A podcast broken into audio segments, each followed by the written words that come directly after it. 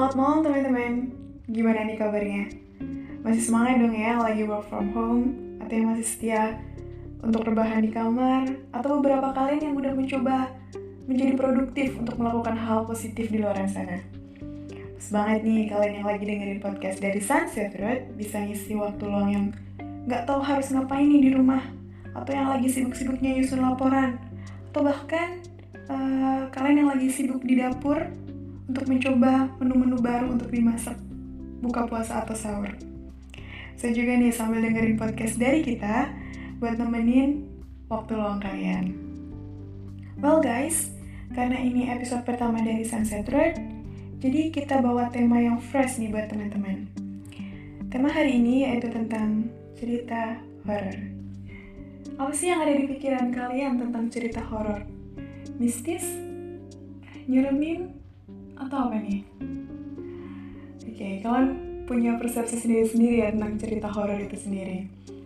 Oke, okay, jadi for your information, penerbit Sunset Road sedang dalam proses menyiapkan novel horor yang ditulis oleh salah satu penulis novel horor. Nah, kata si penulis ini nih teman-teman, salah satu inspirasi dari cerita tersebut, kisah dari seorang temennya dan akhirnya si temennya penulis ini mau untuk diajak sharing kisah yang sebenarnya menjadi inspirasi dari novel tersebut. Oke lah, daripada kelamaan ya, uh, langsung aja. Jadi di sini Medina udah bareng sama salah satu teman si penulis yang sudah disinggung di awal opening tadi. Oke, okay, uh, selamat malam kak. Selamat malam. Oke, okay, apa kabar nih? Baik. Oke. Okay. Ya masih uh, di rumah aja sih seperti yang lain. Masih work from home ya? Oke. Okay. Iya. Uh, makasih ya kak sebelumnya udah mau berbagi sama teman-teman pendengar podcast dari Sunset Road. Uh, katanya uh, denger-denger nih kisah ini uh, belum pernah diceritain sebelumnya. Uh, jadi uh, bisa bisa uh, kakak bisa menceritakan gimana lebih uh, detailnya tentang kisah ini? Hmm, sebenarnya gimana ya kalau aku tuh sebenarnya awalnya juga nggak berani juga sih buat uh, sharing cerita ini karena terus terang di keluarga juga um, kita juga baru tahu sih kalau ternyata uh, apa ya kakekku itu ternyata punya cerita yang dia nggak pernah sanggup untuk ceritain ke keluarganya. Jadi beberapa bulan yang lalu um, kebetulan kakek kan memang sudah nggak ada mm. dan beberapa bulan yang lalu uh, kita beres-beres rumah lama uh, kakek. Yang udah udah lama juga sih keluarga nggak datang ke sana sudah cukup lama. Uh, ya udah akhirnya kita uh, waktu itu ada waktu jadi semua pemain ke sana buat bersihin buat uh, nyekar ke kuburan kakek kemudian kita ke rumahnya buat bersihin uh, rumahnya. Kemudian aku tuh kebagian bersihin. Semacam kita juga semacam gudang lah ya mungkin ya iya, semacam yeah, gudang. Jadi ada satu kamar kosong di dekat kamar tante itu yang buat sama kakek ada juga biasanya selalu jadi tempat untuk uh, taruh barang-barang yang lama nggak dipakai atau barang-barang yang tidak dipakai sehari-hari. Aku bagian bersihin di situ jadi bongkar-bongkar bongkar-bongkar dan tiba-tiba ketemu kisah sih mungkin ya mungkin kayak kisah-kisah yang orang ada umumnya mungkin ya. Aku nemu kayak apa ya buku catatan. Iya. Buku catatan kayak buku catatan lama. Kayak buku diary gitu ya? juga uh, kayak kayak diary gitu kayak kayak dari gitu. Jadi buku catatan lama. Aku penasaran kan aku nggak bilang sama yang lain sih cuma aku udah hmm. langsung duduknya di lantai walaupun yeah. kotor aku langsung uh, penasaran karena kakek itu tuh tipe orang yang um, apa ya dia tipe orang yang sangat ceria dia tipe orang yang temannya banyak kayaknya saya selalu menganggap orang yang nulis diary orang yang nulis catatan harian itu biasanya orangnya yang pendiam yang introvert yeah. nah kakek tuh nggak kayak gitu kayak ketika tiba-tiba nemu ada satu buku yang kayak isinya banyak catatan-catatan catatan-catatan dia aku jadi penasaran saya mm-hmm. apa sih yang dia harus uh, ceritakan atau dia harus sembunyikan situ karena itu aku nemu di dalam satu box yang ya kotak kayu kotak kayu berukir yang udah lama banget dari situ uh, buku catatan ini ada di dalam yang paling bawah di atasnya itu uh, uh, dokumen-dokumen lama kemudian kayak password nama kakek dan yeah. Iya. dan buku catatan itu di, di bawah dan akhirnya aku buka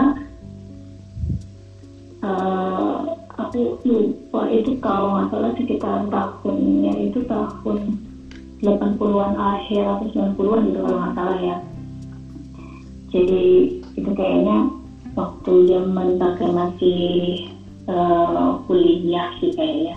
Kakek masih kuliah di Jakarta jadi di situ dia cerita tentang um,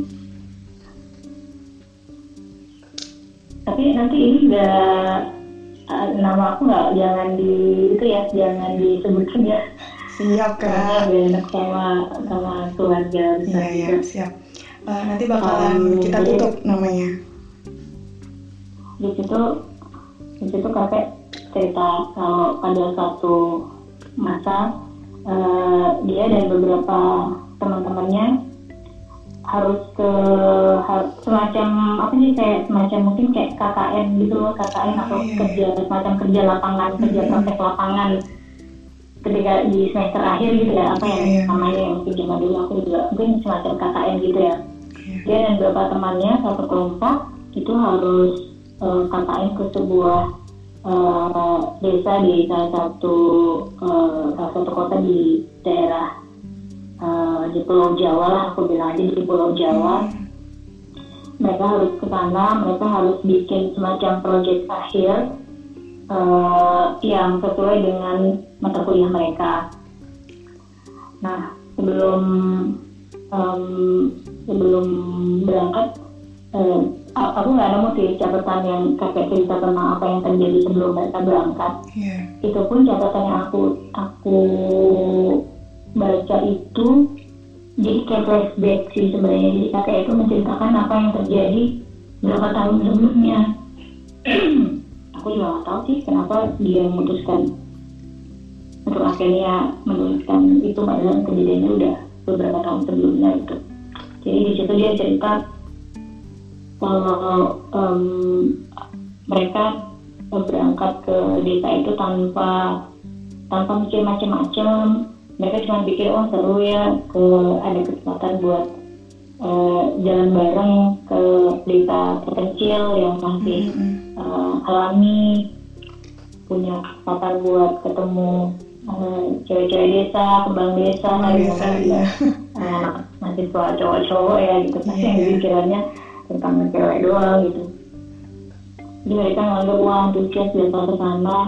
Sampai ketika mereka di antusiasmenya itu kayaknya mulai berkurang ketika mereka benar-benar masuk ke ke desa itu yang bagi mereka kalau kakek itu di situ bilang dia nggak pernah ngerasa se, se merinding itu ketika dia pertama kali masuk ke lingkungan desa itu ya?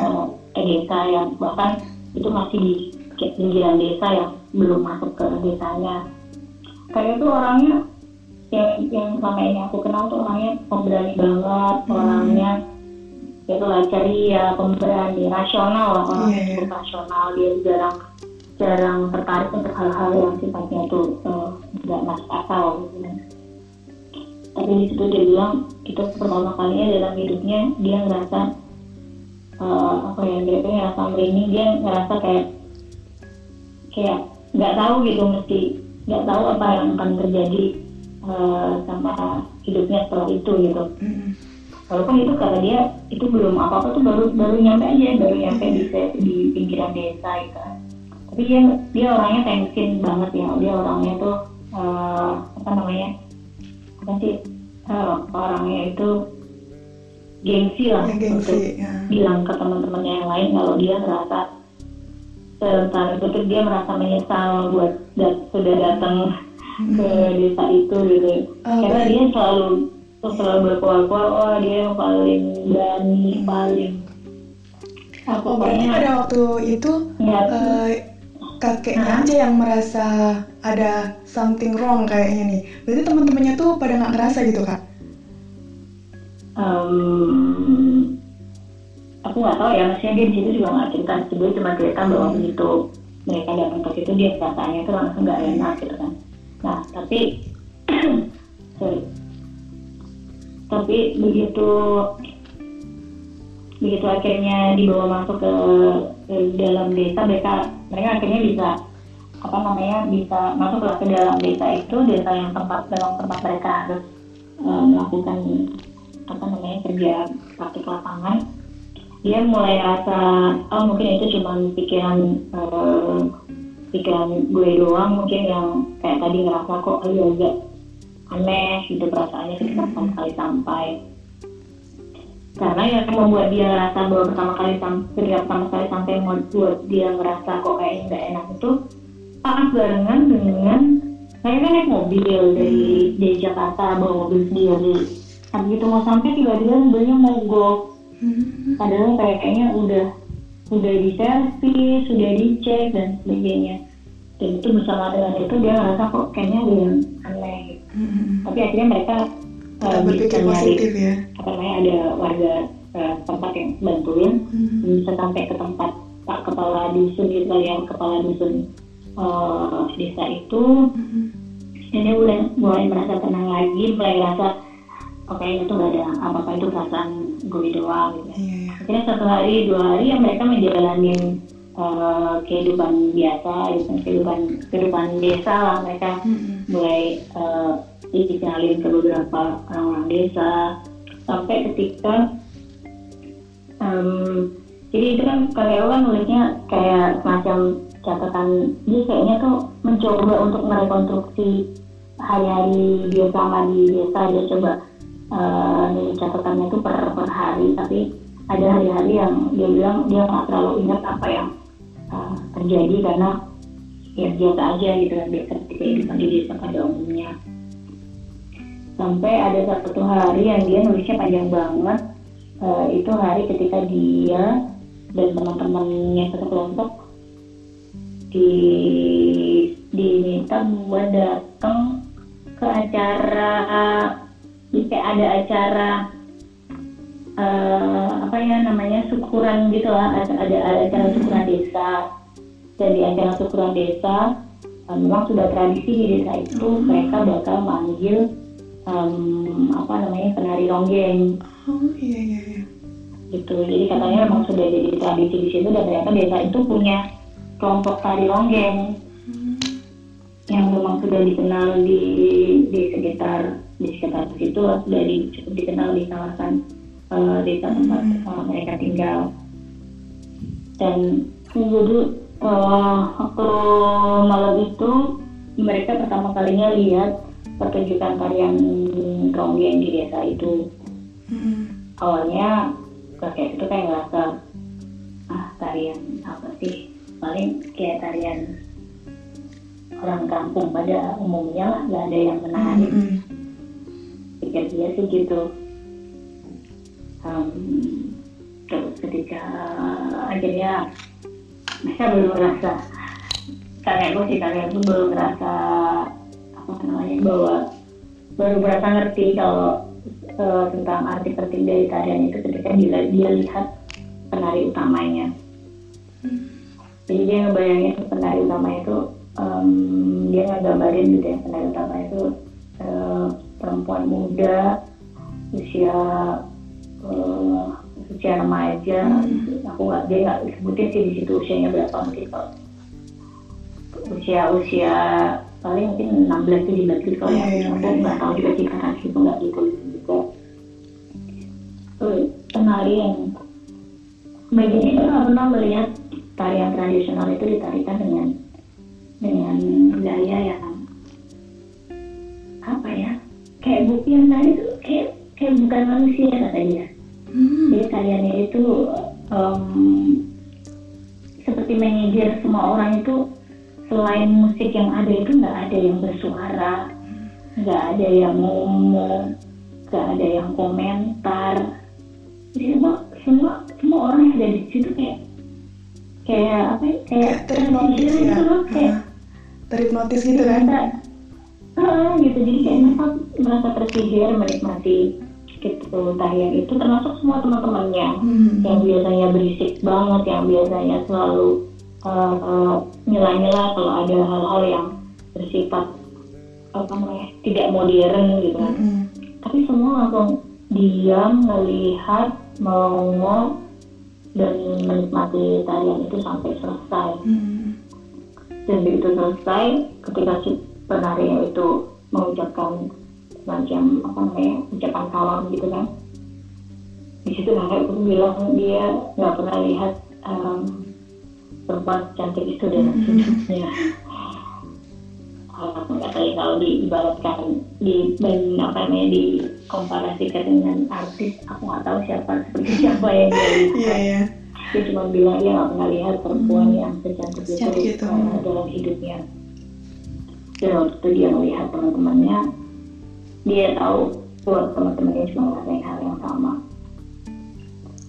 nah setelah itu semua jadi kayak wah jadi kayak berlomba-lomba buat nyari tahu tuh cewek siapa sih? Ya, itu cewek kalau tinggal di sini siapa umurnya berapa? Itu namanya siapa? Mereka berlomba-lomba nanya-nanya sama warga warga, sekitar mm -hmm. itu siapa? Siapa? Dan akhirnya mereka tahu kalau itu penari muda kebanggaan Banggaan desanya tersebut ya Nah dari situ isi ceritanya itu cuma yang apa ya tiap di beberapa harian ditulis di buku harian itu ya kayak dia cerita bahwa itu cantik banget ya uh, sengaja dia belain buat ngerjain apa tuh memperbaikin pagar desa yang uh -uh. ada di deket sanggar tari cuma buat lihat si cewek itu. Kemudian dia lihat teman-temannya juga melakukan kegilaan-kegilaan yang sama berusaha untuk menarik perhatian si, si, si cewek itu ya. penari itu kan cuman ya nggak ditanggapi nggak ada yang ditanggapi jadi kayak ngerasa apa ya ego laki-lakinya itu ngerasa kayak wah pokoknya harus gue ya bisa dapetin uh, perhatian cewek itu yeah, yeah. terus um, ada kalau nggak salah aku juga penasaran itu gimana ya mereka maksudnya hmm. apakah mereka dapat siapa yang iya, iya, bisa mendapatkan perhatian si cewek itu tapi di hari-hari tertentu di buku harian itu kayak ada apa ya ada lembar yang di sobek gitu jadi aku nggak tahu kayak itu cerita-cerita yang harusnya menggambarkan hari-hari setelah setelah mereka berlomba-lomba ya. untuk mendekati cewek itu gitu. Mm -hmm. Jadi itu masih jadi teka-teki juga ya kak? Gimana? Jadi masih jadi teka-teki juga lembar apa nih yang disobek? Nah, aku juga aku juga cari-cari aku bongkar-bongkar di di box itu tapi aku nggak nemu. Hmm. Sampai kemudian ada itu beberapa halaman di sobek sampai kemudian um, tiba-tiba langsung ke tahun itu tahun ketika kakek nulis hmm. uh, buku harian itu di situ dia cuma bilang dia mesti dia aku ingat banget dia tuh nulis sekarang atau enggak selamanya? Hmm. segala sesuatunya harus ditebus dan dipertanggungjawabkan dengan baik. Dia cuma nulis itu satu halaman dia cuma nulis gitu itu di akhir di, bukunya dia, jadi penasaran kan maksudnya hmm. emang ada emang ada apa sih gitu kan? Yeah, yeah. ada apa? Terus atau aku baca lagi lanjutannya jadi di situ pakai cerita kalau itu berarti kayak uh, kan beberapa tahun lah setelah yeah, yeah, bener, pertama kali mereka datang ke desa itu uh, di situ dia bilang kalau mereka datang lagi ke sana. Uh, cuman aku nggak tahu juga ya konteks datang ke sana itu apa karena kan hmm. nggak cerita. Uh, datang lagi ke sana dan dia ngerasa jauh lebih begitu mendekati desa itu dia ngerasa uh, apa ya dia ngerasa jauh lebih deg-degan dan jauh lebih merasa takut dibandingkan dibandingkan sebelumnya dia ketemu dia bilang di situ kalau bukan untuk uh, menebus dosa dia mungkin nggak akan pernah mau lagi datang ke hmm. desa itu yeah. terus di situ dia cerita kalau um, apa namanya dia dan aku nggak tahu ya kayak di sana ke sana sama siapa dia cuma hmm. bilang dia dan teman-temannya aku nggak tahu apakah orang yang sama yang yang, yang datang ke sana hmm. sama dia pertama kali atau orang yang berbeda hmm. jadi dia bilang dia dia datang ke sana si pak kepala dusunnya yang dulu masih ada dan uh, yang hal pertama yang dia tanyakan adalah um, eh gimana kabar si penari yang dulu pernah mereka kejar-kejar. Hmm.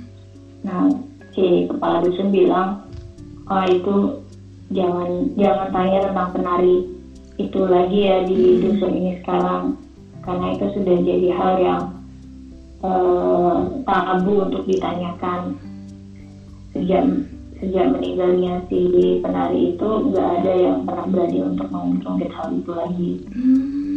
Nah ternyata penari itu meninggal kayaknya aku juga nggak tahu. Hmm. Di situ kakek itu nggak nggak dia nggak jelas dia cuma cerita dia cuma ya? uh, nulis bahwa si kepala dukun itu bilang kayak gitu dan dia kemudian dia mengungkapkan perasaannya dia bilang bahwa dia tidak pernah merasa se se apa ya sedeg-degan dan se takut itu gitu dalam hidupnya itu hmm. tapi dia bilang ya dia harus bertanggung jawab jadi dia akan menjalani apa pun yang akan terjadi di sana terus itu dia cerita juga um, mereka disuguhin karena emang sudah jadi ronggeng itu sudah jadi tradisi desa hmm. yang katanya betul menunggu yeah, jadi ketika ada satu penari yang uh, meninggal atau menjadi hmm. tua dan sebagainya pasti akan digantikan penari yang lain. Penari yang lain. Nah kebetulan kakek datang ketika ada momen perayaan uh, perayaan desa lagi seperti yang dulu pernah hmm. dia saksikan pertama kali. Akhirnya dia um, awalnya dia berusaha, dia bilang dia berusaha untuk minta izin untuk pergi lebih cepat dari situ, tapi tidak diizinkan. Akhirnya dia hmm um, menyaksikan pertunjukan itu malam itu. Hmm. Nah, dan di situ dia bilang dia dia uh, rasa menyesal dan sepertinya dia ngambil keputusan yang salah untuk datang lagi ke situ. Karena ketika si perempuan penari penari ronggeng yang yang generasi sekarang ini gitu kan hmm generasi sekarang yang mulai nari dia ngalamin perasaan dia tuh kayak dejavu gitu hmm. dia ngalamin perasaan yang pernah dia lama dia alami sebelumnya ketika pertama kali dia nonton tonggeng di desa itu hmm. jadi semua semua orang di situ tuh diam gak ada yang ngomong gak ada suara bahkan katanya suara jangkrik pun tuh gak ada gitu hmm. jadi ada cuma suara gamelan suara musik pengiring tari dan dan ya dari itu, ya. itu yang menarik seperti seperti menyihir semua orang. Berarti uh, dan, setelah setelah datang lagi ke situ kejadian itu tuh terulang kejadian yang dulu pernah terjadi terulang lagi gitu kak? Ya makanya dia ketika dia lihat dia seperti ngerasa hmm. ini gue apa ini gue halu gue balik lagi ke zaman dulu. Apa ini nyata sih yang di depan gue karena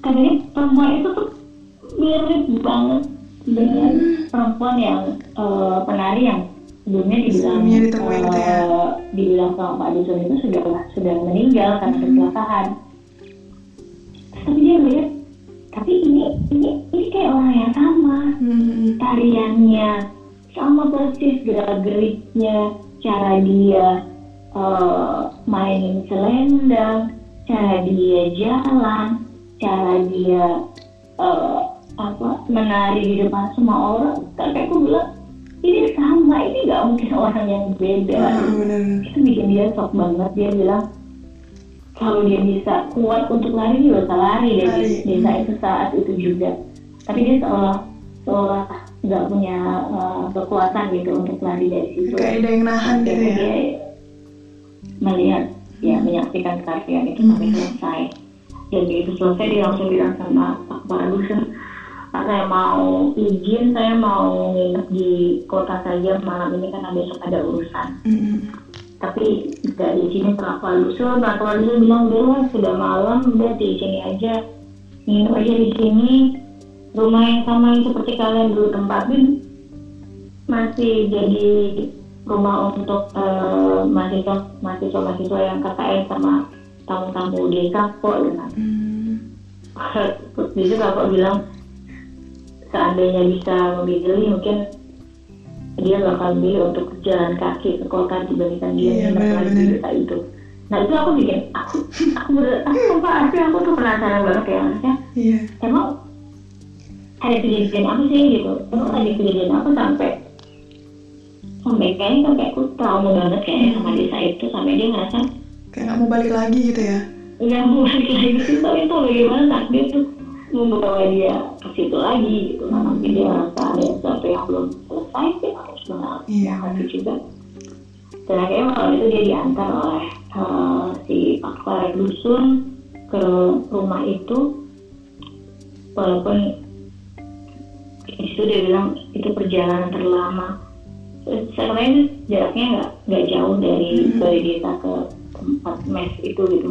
Tapi dia merasa itu perjalanan terlama yang pernah dia Dilalui lakukan dengan ya. jalan Mhm. kaki dia ngerasa seolah-olah eh, hutan kecil yang mereka lewatin itu seolah-olah apa ya, kayak dipenuhin mata yang yang diam-diam mengamati mereka jalan gitu Mm.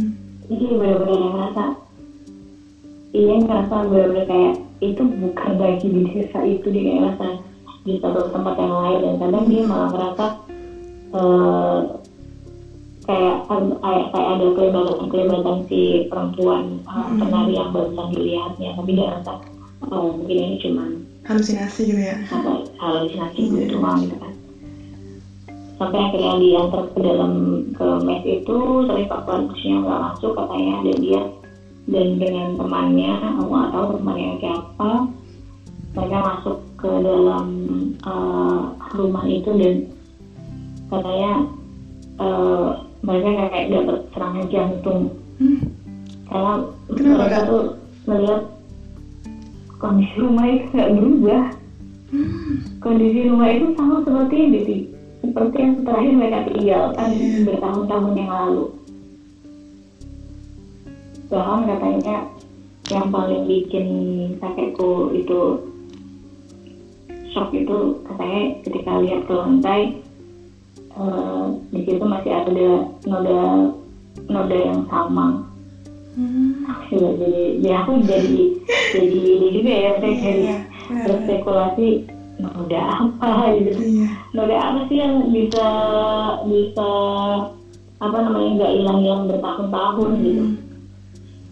dan nah, akhirnya mereka nggak punya pilihan untuk makanya mereka diskusi kata itu mereka diskusi yang satu bilang ya udahlah tidur aja di sini ya besok pagi-pagi lagi besok pagi lagi ketika em, matahari Terbit. ya sudah terang lah ya Iya. sudah terang langsung cabut terus ada yang bilang ah nggak mungkin tinggal di sini sama aja kayak mati pelan-pelan gitu terus Hmm. akhirnya kakekku ngasih usulan ya udahlah kan mobil nggak jauh dari situ parkirnya nekat aja cabut. Sekarang nanti tinggal eh, telepon minta maaf bilang ada keperluan mendadak.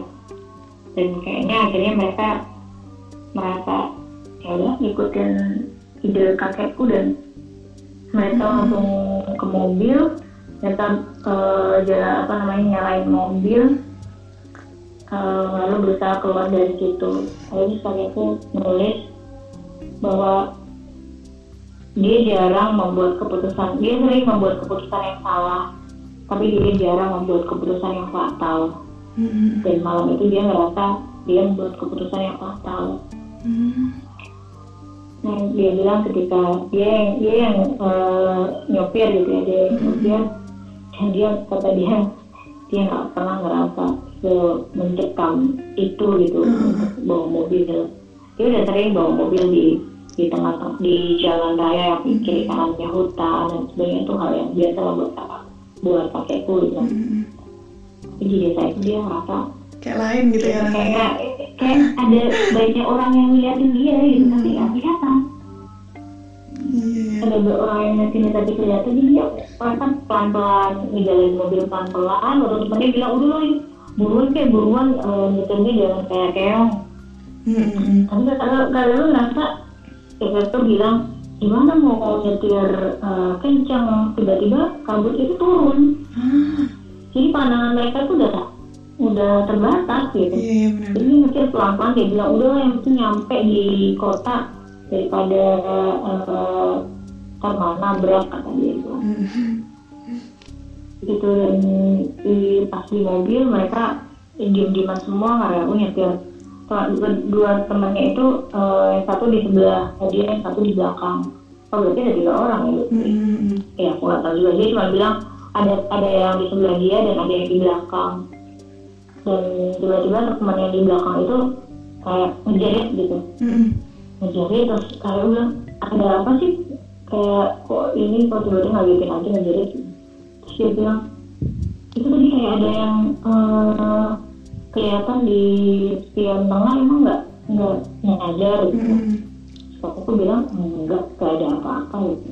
Sudah berjalan. Entah, entah gimana di tengah perjalanan di ketika kabut itu mulai tebal mobilnya mogok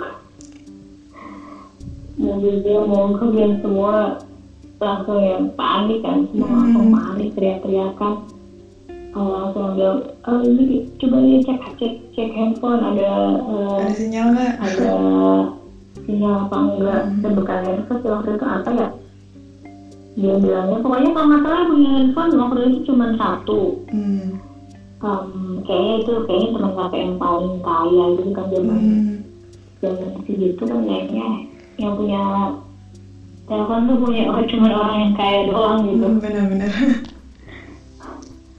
coba cek cek itu cek handphone. Ya tadi cuma ada satu yang punya handphone cek handphone. Ternyata mau coba handphone sinyalnya nggak ada. Hmm. di tengah di tengah. Di tengah hutan ya? Hutan gitu kan Mm-mm. akhirnya mereka nekat wah daripada diem di sini eh, sampai pagi kedinginan jadi lah mending jalan kaki aja balik ke desa. Besok mobilnya diambil lagi. Hmm. mereka mutusin seperti itu. Akhirnya mereka cari-cari senter yang ada di mobil mereka keluar satu senter cuma buat eh, mereka semua gitu. Hmm. ya mereka jalan. Mereka tuh berdebat dulu sih ini arahnya ke mana nih kalau jalan balik akhirnya mereka ngikutin kakekku lagi nih karena kakekku ngerasa oh gue yang paling tahu nih jalan baliknya Hmm. ke mana gitu karena dia yang nyetir. Terus itu mereka jalan mereka jalan mereka jalan karena tuh jalannya kan diem-dieman ya karena ngerasa apa namanya gak berani juga mau ngomong. Iya. Ada satu uh, momen kakekku sedang kakekku tahun depan karena dia pegang senter Hmm. dia tuh merasa pengen banget buat balik ke, ke belakang gitu loh misalnya buat naik ngecek sama temannya Mm-mm. terus itu dia itu dia balik ternyata dia cuma sendiri. Sendiri? Oh dua temannya itu udah nggak ada dan dia bilang dia saya pengen mati gitu kan saat itu Hmm. karena kok dia bisa nggak dengar kalau misalnya temannya itu berhenti atau jatuh Iya. atau apa gitu kan cuma sendiri dia kayak jalan center dia sorot-sorotin ke eh, mana-mana tapi dia nggak nemu juga nggak ada ya suara nggak ada suara teriak atau gimana sih kalau dia tiba-tiba Iya, jatuh benar-benar. misalnya dia kena gelap gitu? Kayak kan suara minta tolong atau apa. Iya kan? iya iya. Atau kalau cowok-cowok itu kan pasti misu-misu gitu loh. Iya iya benar-benar pasti maki-maki. Ya. maki-maki ya. tuh enggak. Dia merasa ada suara apa-apa. Dia pikir ya udah kalau temennya pada takut juga ya semua pada diam pada diam Mm. Pokoknya dia panik banget dia panik dia nyorotin uh, centernya ke sana um, nggak ada hasil dan akhirnya dia ngerasa gue gak tahu gue mesti gimana gue mesti pergi uh, mesti pergi ke mana kata dia gitu. Karena dia udah kayak hilang arah itu loh. Mm-hmm. dia hilang arah.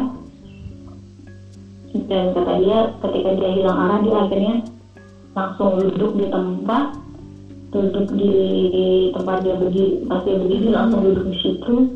Dia katanya udah mulai mulai nangis karena putus asa nggak tahu gimana nggak mm tahu temannya ada di mana tiba-tiba dia kayak ngerasa ada orang di dekat dia pas dia lihat itu kayak kelebatan si penari ya. yang barusan dia lihat hmm.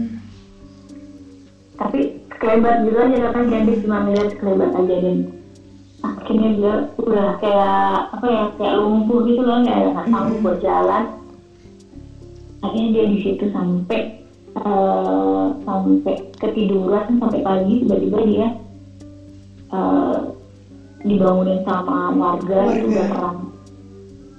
Hmm. dibangunin sama warga udah terang. Terus sama Pak Paulus langsung bilang kamu ngapain di, di sini? Hmm. uh, udah berapa lama di sini? Udah berapa lama pingsan di sini dia langsung hal pertama yang dia tanyakan ketika dia uh, sadar dia langsung nanya teman-temannya teman-temannya di mana? Gitu yeah. teman-temannya di mana kok? Uh, tiba-tiba dia cerita apa yang terjadi semalam dia cerita ke kepala dusun dan si kepala dusun bilang uh, awalnya mereka nggak mau kayaknya nggak mau cerita. Tapi kemudian kepala dusun bilang um, kedua temennya itu tadi pagi ditemuin ada di dalam uh, mobil di jurang yang nggak jauh dari dusun nggak jauh dari hutan itu. Mobil yang dikendari juga itu kak iya mobil yang mereka bawa dua temannya itu ada di situ. Ada dan sudah dalam kondisi uh, meninggal karena masuk ke dalam jurang. Terus dia bilang dia ngeyel kan? Dia iya, bilang iya, kita nggak naik mobil kita jalan kaki. Karena mobilnya tiba-tiba mogok gitu. Hmm. tapi kalau dusun bilang ya buktinya memang sudah ada di dalam jurang akhirnya dia nekat untuk minta dibawa ke ke jurang dekat situ karena pihak kepolisian juga sudah ada di sana. Akhirnya dia bisa lihat sendiri kalau ya dua temannya itu memang ada di dalam jurang hmm. dengan mobil dengan mobil yang mereka bawa dari mereka bawa dari Jakarta ya? Dan kayak aku bilang saja itu dia dia bertekad bahwa dia nggak pernah mau lagi datang ke desa itu dan dia nggak pernah mau lagi untuk dengerin hmm. atau nonton segala hal yang terkait dengan dongeng. Oke. Okay. Dia bilang um, dia nggak pernah dia nggak akan cerita hal itu ke keluarganya ke siapa pun karena dia tahu semua orang nggak akan percaya Hmm. Tapi di akhir salah satu uh, halaman ya, saat itu sih kelihatannya kosong. Di situ dia bilang, uh, apa yang masalah dia bilang harga penebusan dosa dan sebuah tanggung jawab itu kadang-kala uh, nilainya sama sama dengan nyawa manusia gitu. Hmm. Yeah. Ya gitu sih aku jadi pas ketemu juga aku ngerasa oh kayaknya kalau aku cerita nggak mungkin juga keluarga aku bakal percaya dan kalau ngeliat tipikal kakek mereka juga akan percaya kalau kakek hmm. percaya dengan hal itu atau pernah ngalamin hal yang kayak gitu iya benar jadi aku pikir ya udahlah aku simpan buat apa aja cuman hmm. aku jadi kepikiran kan aku jadi kepikiran aku sih kayak banyak banyak benang merah yang gitu yeah. benang merah yang apa ya kayak missing link lah gitu banyak hmm. missing linknya makanya aku cerita ke teman-teman terus dia bilang aku boleh nggak buat nulis kali yang terserah deh. Yang penting um, ya jangan jangan sebutin aja tentang keluarga iya, aku aku ya itu karena ya aku nggak tahu aku nggak tahu apa yang sebenarnya uh, terjadi. Tapi aku nggak nyangka sih nggak nyangka kalau uh, kakek tuh pernah ngalamin kejadian kayak gitu. Dan aku cuma tahu itu di mana gitu cuman kayaknya bahkan bahkan aku merasa aku ingat banget waktu aku masih kecil aku diomelin gara-gara mau ikut uh, les tari. Mm-mm. Waktu itu aku bilang sama mama aku pengen banget nih ikutan uh, les nari. Terus waktu itu kakek lagi datang ke rumah. Kakek langsung marah besar ke mama dia bilang kamu nggak jangan uh, pernah kamu uh, nyuruh uh, cucuku buat ikutan les Lestari. tradisional Hmm. apa pun gitu dia. Terus, oh, itu mama juga pernah bilang, pokoknya kamu kalau lagi deket kakek jangan pernah pasang musik-musik yang musik-musik gamelan, musik-musik yang tradisional gitu katanya. Karena kakek katanya selalu bakal marah. Mm-mm. Dan mama tuh juga nggak pernah tahu, mama nggak pernah tahu apa sih alasan kakek benci banget kayaknya sama tarian tradisional Iya. gitu kan. Ya kakek di rumahnya tuh selalu musiknya tuh yang jazz, blues, klasik gitu kan. Tapi dia nggak pernah sama sekali eh, mau dengerin dan nonton tarian gitu kan. Mm. Jadi kayak ada rasa trauma tersendiri gitu ya kak ya? Kayaknya sih gitu. Makanya ketika aku nemu catatan itu, ya aku jadi jadi jadi ngerasa oh, itu kayaknya jawaban dari eh, pertanyaanku tentang kenapa sih kakek nggak suka banget sama Mm. Musik dan Musik. tarian Iya, tradisional. tradisional. Tapi masih banyak pertanyaan yang masih ya nggak tahu. Aku juga. Tapi aku kadang terlintas dalam pikiranku untuk aku pengen telusuri itu sebenarnya di mana dan sebenarnya apa sih yang yang terjadi gitu. Kayak masih ada misteri yang mengganjal gitu ya kak ya? Iya, aku kepikiran sih, aku kepikiran ngelakuin itu dan nggak tahu aku bakal ngelakuin beneran apa enggak. Mm. Tapi ya, kurang lebih gitu lah ceritanya. Oke, Eh, tapi sebelumnya mau nanya nih kak, Eh, apa namanya? Kan tadi kakak cerita tentang eh, kisah yang kakeknya alamin itu kan, dan Hmm. mengizinkan temannya untuk menulis kembali cerita ini. Itu apakah dibikin sama persis dengan eh, cerita sebenarnya atau ada pengembangan cerita atau pengembangan karakter? Aku nggak tahu, aku juga aku juga belum baca juga maksudnya hasil eh, tulisan dia gimana. Tapi aku sih nggak terlalu, aku sih terserah sih, terserah dia dia mau ceritain apa adanya, dia mau tambahin eh, analisis dia dan sebagainya sih aku nggak ada masalah sih. Cuman ya karena secara pribadi juga aku tuh ada masih kepikiran buat buat mencoba untuk menelusuri gitu kan Hmm. bisa itu. Oh, Jadi semisal dituliskan ulang dan dituliskan kembali, eh, tetap menyamarkan nama baik keluarga ya kak ya? Iya, karena ya untuk hal-hal yang kayak tidak masuk akal tuh gimana ya kita kan sulit untuk Iya ya mencarikan yang untuk mencari eh, mencari pembenaran Kebenarannya ya. yang pasti di rumahku mah nggak pernah ada suara suara-suara musik tradisional, Hmm. ada tarian-tarian dan karena nggak tahu aku sendiri secara pribadi juga setiap ada suara-suara kayak gitu aku jadi ngerasa kayak nggak nyaman. Benar. Aku pernah pernah di salah waktu itu buka YouTube ya kalau nggak salah lagi di tempat eh, di tempat mama lagi browsing-browsing YouTube nggak sengaja kepencet em, apa tuh namanya tuh tarian dongeng tradisional gitu kan. Mm-mm. itu pertama kali aku ngerasa kok kayak nggak enak gitu ya? Setelah pertama tuh langsung berubah nggak enak dan mama tuh langsung teriak matiin gak tuh? Buru-buru Iya, karena- karena- matiin gitu kan terus. Ini ya. mama pucat banget tuh aja yang pucat banget aku nggak tahu maksudnya ada apa sih ada Iya benar. ada apa dengan keluargaku dan musik tradisional dan musik eh, pengiring ronggeng ini aku nggak tahu lah masih. Jadi aku ceritain kalau aku udah nemu jawabannya Oke. lagi Jadi kayak masih jadi misteri ya, masih ada, masih ada misteri boxnya. Iya, Oke. nah, gitu.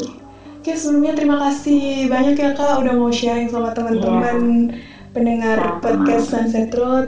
Eh, semisal nanti ada cerita-cerita eh, lainnya lagi yang mau, misal ada nanti ada masih ada kelanjutannya nih, Eh, bisa diceritakan kembali lagi. Nanti aku kabarin deh kalau ada Oke. hasil investigasi Oke, okay, siap-siap. Oke, okay, terima kasih banyak ya kak. Uh, okay, sampai bertemu di podcast malam. berikutnya. Terima kasih buat teman-teman yang udah setia dengerin podcast dari kita dari awal sampai akhir. Tetap tungguin podcast-podcast kita selanjutnya ya.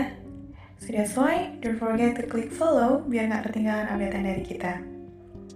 Oh ya nih teman-teman, karena ini podcast uh, pertama dari Sunset Road, jadi kita masih butuh banyak banget nih kritik dan saran dari teman-teman. Jadi masih kita tunggu ya kritik dan saran dari teman-teman biar podcast dari Sunset Road ini jadi lebih baik ke depannya. Untuk kritik dan sarannya bisa langsung dikirimkan melalui DM Instagram dari Sunset Road at penerbit underscore Sunset Road. Jadi bisa langsung dikirimkan ke sana aja kritik dan sarannya. Kita tunggu ya teman-teman. Uh, karena kita sudah di penghujung acara nih, Medina pamit dan sampai bertemu di podcast selanjutnya. Bye.